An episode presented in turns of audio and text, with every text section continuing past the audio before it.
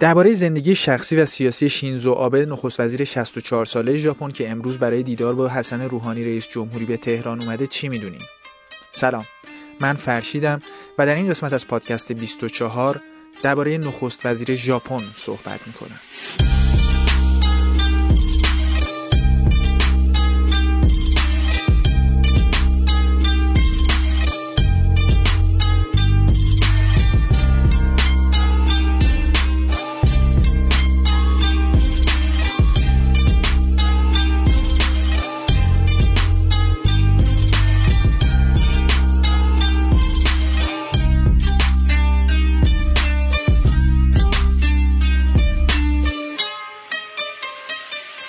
اولین نکته که درباره نخست وزیر ژاپن آقای شینزو آبه باید بدونیم اینه که ایشون خود ژن خوبه.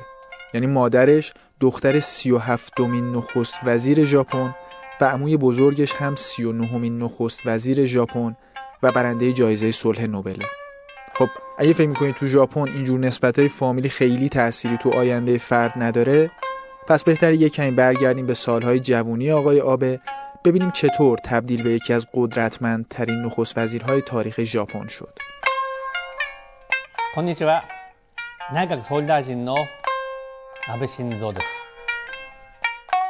شینزو آبه متولد 1954 دومین پسر خانواده است و اولین نخست وزیر ژاپنی که تو سالهای بعد از جنگ جهانی دوم به دنیا میاد.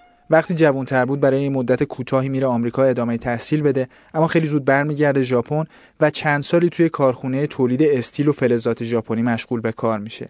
نهایت اینه که شینزو آبه تحصیلات دانشگاهی خیلی مفصلی نداره لیسانسه علوم سیاسی از دانشگاه کیوتوه.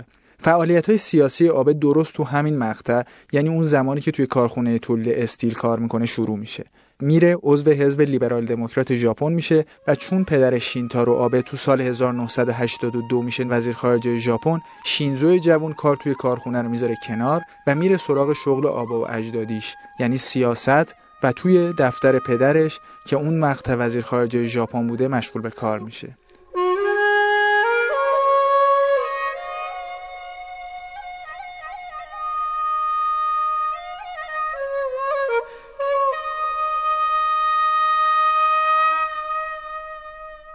اینجا مجبوریم یک کمی درباره پدر آقای آبه یعنی شینتارو که اتفاقا حدود سی سال پیش به ایران هم سفر کرده صحبت کنیم. شینتارو آبه هم یه جورایی آقازاده و ژن خوب به حساب میاد. برادر بزرگترش ایساکو ساتو همونطور که گفتیم نخست وزیر شد و البته قبل از اون پدرش یعنی پدر بزرگ نخست وزیر فعلی آقای کان آبه نماینده مجلس نمایندگان ژاپن بود. شینتارو اول خبرنگار بود. بعد تو جنگ تصمیم می‌گیره که خلبان هواپیمای کامیکازه بشه. هواپیماهای کامیکازه هواپیماهایی بودن که با بمب و مواد منفجره تجهیز می شدن و به صورت انتحاری خودشون رو میکوبوندن به کشتی های آمریکایی. ولی شینتارو در نهایت تو هواپیمای کامیکازه ننشست.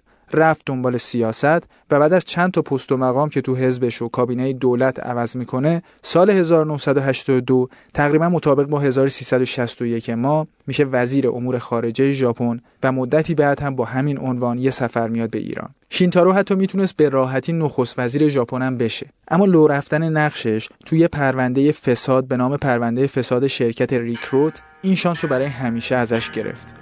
تبعات این پرونده اونقدر سنگین بود که حزب شینتارو برای مدتی قدرت رو از دست داد و حزب رقیبش روی کار اومد.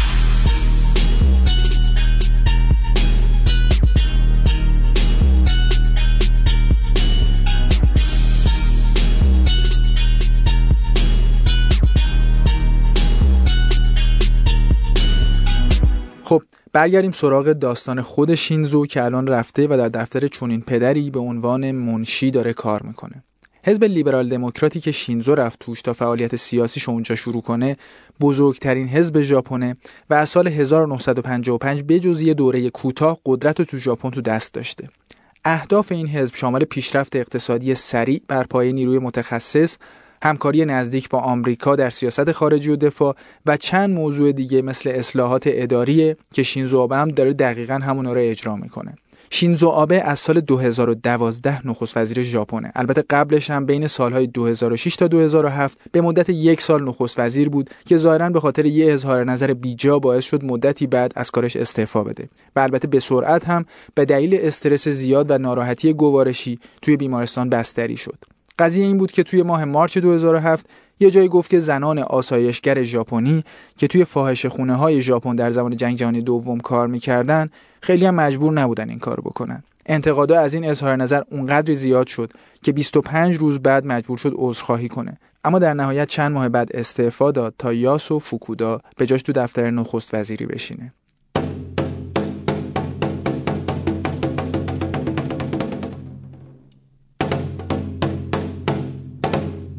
شینزو آبه یه سری جنجالای بین المللی هم داشته. از جمله که دقیقا یک سال بعد از اینکه برای بار دوم توی دسامبر 2012 نخست وزیر شد از معبد یاسوکونی که یادبودی از جانباختگان ژاپن توی جنگ جهانی دیدن می‌کنه. کشورهای همسایه که از تهاجم ژاپن توی جنگ جهانی دوم به شدت آسیب دیدن خیلی سفت و محکم این بازدید رو محکوم می‌کنن. چین کره شمالی و کره جنوبی این معبد و سمبولی از گذشته امپراتوری نظامی ژاپن می‌دونن. درباره نقش نظامی و تهاجمی ژاپن توی جنگ جهانی دوم فیلم ها و کتاب های بسیار زیادی ساخته و نوشته شده که پیشنهاد می‌کنم حتما ببینین و بخونینشون. درسته که چین و دو کره جنوبی و شمالی به شدت از تصمیم آبه انتقاد کردن اما به نظر میسه که شینزو آبه این بار دیگه به اصطلاح لم کار دستش اومده بود و قرار نبود دیگه مثل دور قبلی کنار بره.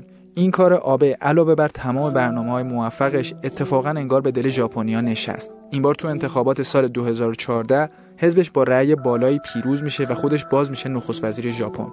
در واقع شینزو آبه از سال 2012 به بعد دیگه توی هیچ انتخاباتی بازنده نبود.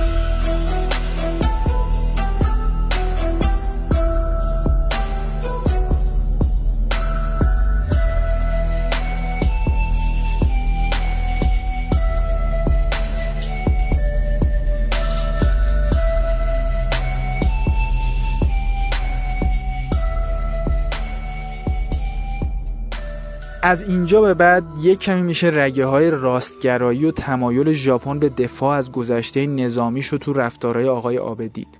سال 2015 تو سالگرد 70 سالگی جنگ جهانی دوم آبه تو سخنرانیش از شرکت ژاپن توی جنگ ابراز پشیمونی می‌کنه اما عذرخواهی نمی‌کنه. به جاش میگه نسلهای آینده نیازی به عذرخواهی ندارن.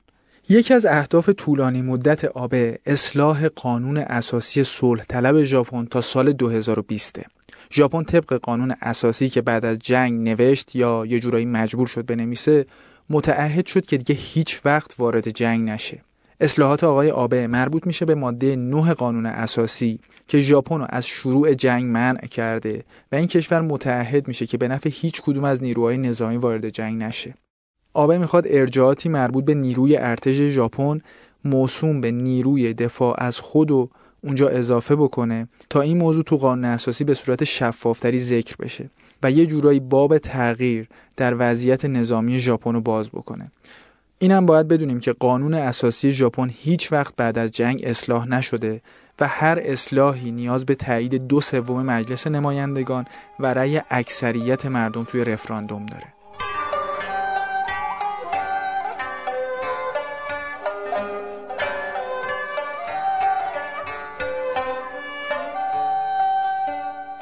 یه نفر دیگه هم که نقش خیلی موثری تو زندگی شینزو آبه داره همسرش خانم آکی ماتسوزاکی یا آکی آب است. این دو نفر سال 1987 با هم ازدواج کردن و فرزندی هم ندارن. همسر آقای آبه یه شخصیت شناخته شده اجتماعیه. اولا که از یه خانواده بسیار ثروتمنده یعنی پدرش رئیس پیشین یکی از بزرگترین کمپانی های شیرینی سازی توی ژاپن بوده و دومی که خود خانم آکی هم قبل از ازدواج با آقای آبه تو بزرگترین شرکت تبلیغاتی دنیا به اسم دنتسو یا دنتسو یا یه همچین چیزی کار می‌کرده. بعدش هم برای مدتی توی رادیو دیجی بوده.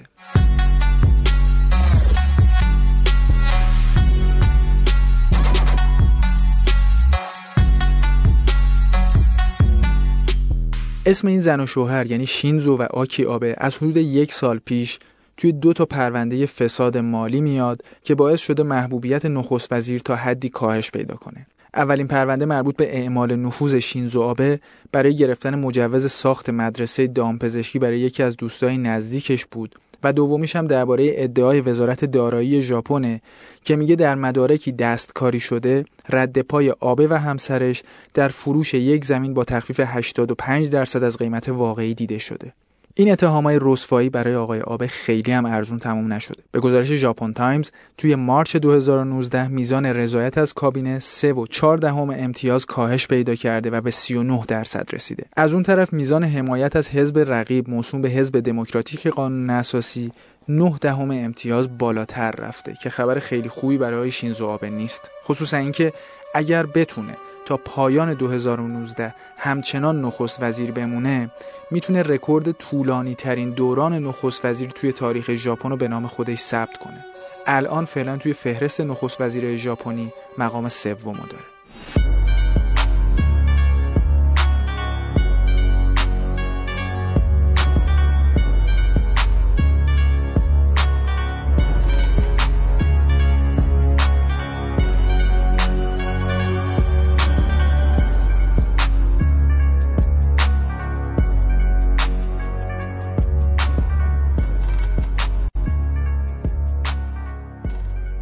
اینکه چرا شینزو آبه با وجود پرونده های رسوایی که گفتیم همچنان یکی از موفق ترین نخست وزیرای تاریخ ژاپن به حساب میاد مربوط میشه به سیاست های اقتصادیش موسوم به آبنامیکس که آبه توی سال 2013 برای سرعت دادن به اقتصاد ژاپن طراحی کرد تا اونو از قرنها رکود نجات بده. این طرح شامل سه تا معلفه است. یکی سیاست پولی انبساطیه بعدیش افزایش هزینه های دولت و سومیش اصلاحات مهم اقتصادیه. مجله فوربس ادعا می‌کنه که این طرح میلیاردها دلار به رشد اقتصادی توی ژاپن کمک کرده.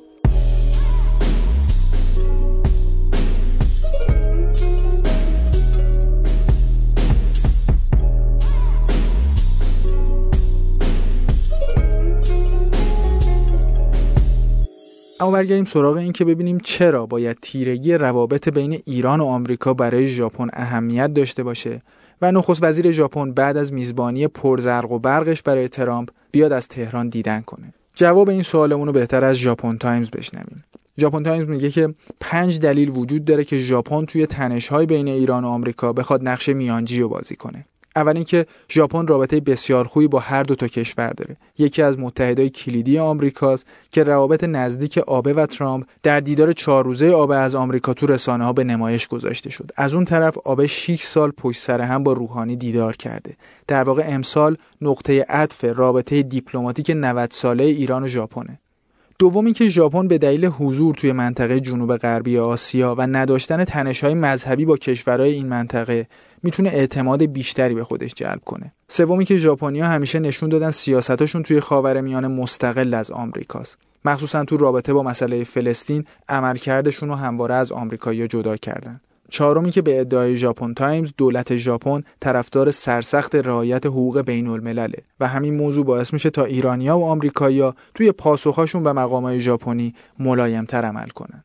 دلیل پنجم ژاپن تایمز اینه که با اینکه ژاپن فقط 5 درصد از منابع انرژیشو به طور مستقیم از ایران وارد می‌کنه اما 80 درصد از منابع انرژی ژاپن از این منطقه و از تنگه هرمز که یه نقطه استراتژیک سفر می‌کنه که بسته شدن این تنگه مشکلات خیلی زیادی برای ژاپن داره ژاپن تایمز میگه به این ترتیب دولت آبه حاضره برای از بین بردن احتمال درگیری نظامی بین دو تا کشور هزینه هم بکنه